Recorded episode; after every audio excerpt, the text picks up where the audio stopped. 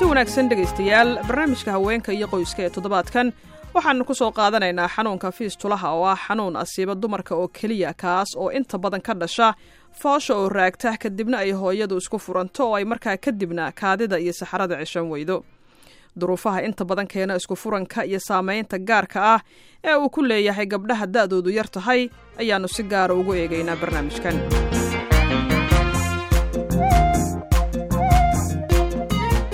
doctor cabdirasaaq xasan cartan waxa uu ka mid yahay dhakhaatiirta ka howlgasha qaybta isku furanka dumarka ee cisbitalka kaysanay ee magaalada muqdisho. Waxa ugu horreyn inoo sharaxayaa waxa uu yahay xanuunka fiistulada iyo qaababka kala duwan ee uu u asiibo dumarka. Runtii fistuladu wuxuu ka qeyb yahay gynecology maada la yidhaahdo gynecology and obstetric sub speciality kamida weeye. Wuxuuna u baahan yahay training gaara iyo tababaro gaara dhakhtarku inuu u aado somewhere ama uu qaato meeshuu doona uu ka helo si uu mataqaanaa bulshada ugu anfaco runtii waa wax aada u dhib badan. Waxaa jira bukaamo aada u tiro badan oo isbitaalka soo booqday waxayna isugu jireen noocyada kala duwan ee fistulada. Kuwo kaadida ayaa ka socota oo waxaa jira dalool udhexeeya kaadi haysta iyo fajeynaha ama marinka kale iyo kaadi haysta kuwo waxaa jira dalool udhexeeya saxarada marinka saxarada iyo marinka kale ee ilmuhu uu ka dhasho dalool udhexeeyaa jira. Kuwana waxaa jira dilaac murqaha udhexeeya labada marin ee gabadha. Dilaac udhexeeya oo markuu ilmuhu uu soo baxayey uu madaxa ku qaatay ama uu dilaaciyey iyadoo markaas uusan helin gabadhaas markaysan helin daryeel gaara ama cusbitaal aysan ku dhalin ama mataqaanaa ama ml m c h ah ama qof techniigii yaqaana dhalinta iyo caawinta hooyo dhalaysa uusan la kulmin. Marka tiro saddex boqolood qof ku dhow ayaa meeshaan iska register garaysay oo wax loogu qabtay. Qaybtan la tacaasha dumarka uu ku dhaco xanuunka fiistulada ayaa waxaa la furay sannadkii laba kun lix iyo tobanka. Tanii xilligaana waxa uu adeega caafimaad u fidiyey dumar gaaraya ilaa iyo saddex boqol oo isku furmay intii ay foolanayeen dadkaasi waxaa ka mid ah hibe mukhtaar maxamed oo adeegan caafimaad uga timid degmada balcad ee gobolka shabeellada dhexe oo ka sheekaynaysa duruufaha keenay inuu ku dhaco xanuunka fiistulada. Macnaha cunuga igu daaha marka dhalidiisa igu daaha macnaha ugitan weynaaye ana kalooba ciyaa malay qalan waa diiday macnaha. Xilli dambe anigoo wax ii oolinaa lay qalay. Adiga domestojina ama domay sagaal sanaa jira hadda.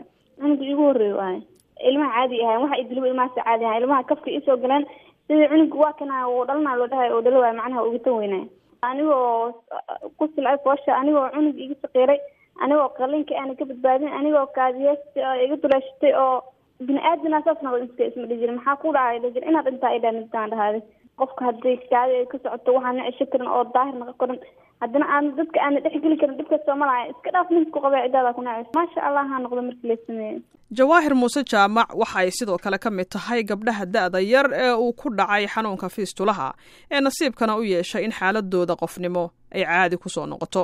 Aniga waxaan qabaa xanuunka kaadida waa iga nabar igaga oolaa nabar dee markii aan umlay buu igu dhacay.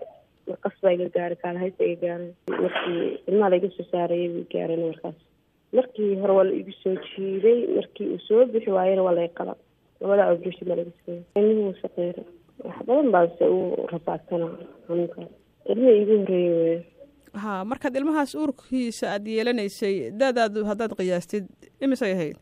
Shan iyo toban sano. Marka ilmaha maxaa keena in lagugu soo jiido? Ma caadi buu u dhalan waayey ma ilmihii baa weynaaday ma dhismaha jirkaagan markaas u diyaarsanayn inuu ilmo soo maro weli adaa korriinsho ku jiray. Maxay dhakhaatiirta kugu sheegeen sababta? Aniga horta kurriin waa igu jirta dee ilmo yaroo shan iyo toban sano jiro baan ahaa. Midda labeysa dee dhakhaatiirta aniga hadda waxaan ka imi magaalada garow waan ka imi meesha xamar aniga dadka deegaanka xamar ma ihi.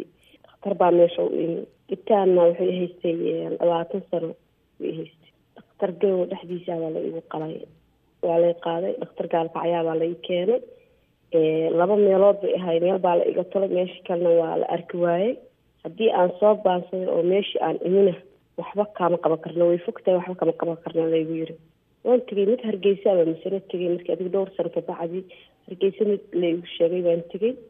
Waa la ifiiriyey waxay dhahen waxba kama qaban karna qalabkii aan geeshaa ku gayari lahay baan la-anaha adiga ugu dambeyn markii u dhameysay imi maasha allah hadna waa fiicnahay labi labaatan beri bay maamaraya maasha allah inkastoo jawaahir muuse ay hadda ka bogsootay oo ay ka dawowday xanuunkii asiibay labaatan sano ka hor oo ay ku faraxsan tahay in nolosheedu ay caadi ku soo noqotay ayaa haddana intii uu xanuunkaasi hayey waxaa soo gaareen niyad jab uga yimid xagga ninkii qabay ee ay u qaaday uurka u horseeday dhibaatada gaartay. Ninku sooma ogid naagtu intay caafimaad qabto ay naagtiisa tahay. Ma wada qolkiiba sideetan inta badan. Hawa qaarkood dheh qolkiiba waa sideetan waa u badan yihiin gabadhu intay dhacdhacleeda qurux badan tahay buu rabaa. Maanta celiyi gaarto. Asaga damiyaa cilan lahayn buu raadsanaya bukaanada qaar sida jawaahir iyo hibo ay dhibaatada isku furanka soo gaarto ayaa waxaa dhacda in bulshadu ay faquuqda intay duruufahaasi la nool yihiin. Doctor cabdirasaaq xasan ayaan weydiiyey sida uu cisbitaalka uga caawiyo bukaanada inay ka soo kabtaan dhibaatada xagga maskaxda ah ee soo gaarta. Bukaanada qaba xanuunka fiistulada. Hataa waxaan u samaynaa bukaamada reintegration wax la yidhaahdo bukaanka fistulada waxay og tahay muddo intaasoo sano ah ayuu kaadida ka socotay intaasoo sano ayay mataqaanaa saxaadada ka socotay. Bulshadii ayaa laga karantiilay. Waxaa dhaca faamiliyada qeybtooda gaar ahaan kuwa aan mataqaanaa baadiyaha iyo tuulooyin ku nool. In gabadhii laka la karantiilo oo qol lagu xiro oo albaabka loo dhigo biyihii iyo cuntadii cun lahayd oo hataa gudaha aan loo gelin oo karantiin lagu sameeyo. Marka qofka sidaas oo kale ah waxaan hataa u sameynaa waxa la physiotherapy. Istaag wuxuu leeyahay qayb loogu loogu jimciyo murqahay gabadha markay fistoladeeda qabto waxaa dhacaysa inay guriga iska dhex jiifto oo aysan socsocon oo lugihii ay xirmaan oo gacmihii ay xirmaan oo iyadoo dhan oo tigtigan ay noo timaado ama dhaawac uu ka soo gaaray dhalmadii waktiga badan ay foolanaysay oo food drop wax la yidhaahdo oo lugta ay luwato oo kale ama mataqaanaa lug ay jidayso oo kale. Qayb physiotherapy ayaa jidha xataa markii hataa intaan qalliinka la gelin ka hor murqihii iyo neefayaashii lagu activation loogu sameeyo. Markay baxdo xataa waxaa jira waxa la reintegration gabadhii in bulshadii dib loogu celiyo. Hay'adda caafimaadka adduunka ee w h o ayaa sheegtay in sanad kasta inta u dhexaysa konton kun ilaa iyo boqol kun oo dumar ah oo ku kala nool dunida daafaheeda uu saameeyo xanuunka fiistulaha. Inta ay foosha ku jiraan xanuunkan ayaa ah mid si toosa loola xiriiriyo mid ka mid a sababaha ugu waaweyn ee keena dhimashada hooyada uur kale. Waxaa lagu qiyaasay in in ka badan laba milyan oo gabdho da-yara ay la nool yihiin xanuunkan oo aanay helin daweyntii ay u baahnaayeen kuwaasoo badankood ku nool aasiya iyo qaar ka mid ah dalalka afrika ee saxaraha ka hooseeya waxaana ay inta badan mutaan faquuq iyo in lagu ceebeeyo xaaladda caafimaad ee ay ku nool yihiin. Hay'adda w h o ayaa sidoo kale cabir ku bixisay in ku dhowaad soddon ilaa iyo lix iyo soddon boqolkiiba dhimashada hooyada ay soo gaarto gabdhaha ay da-doodu ka yar tahay siddeed iyo tobanka sano.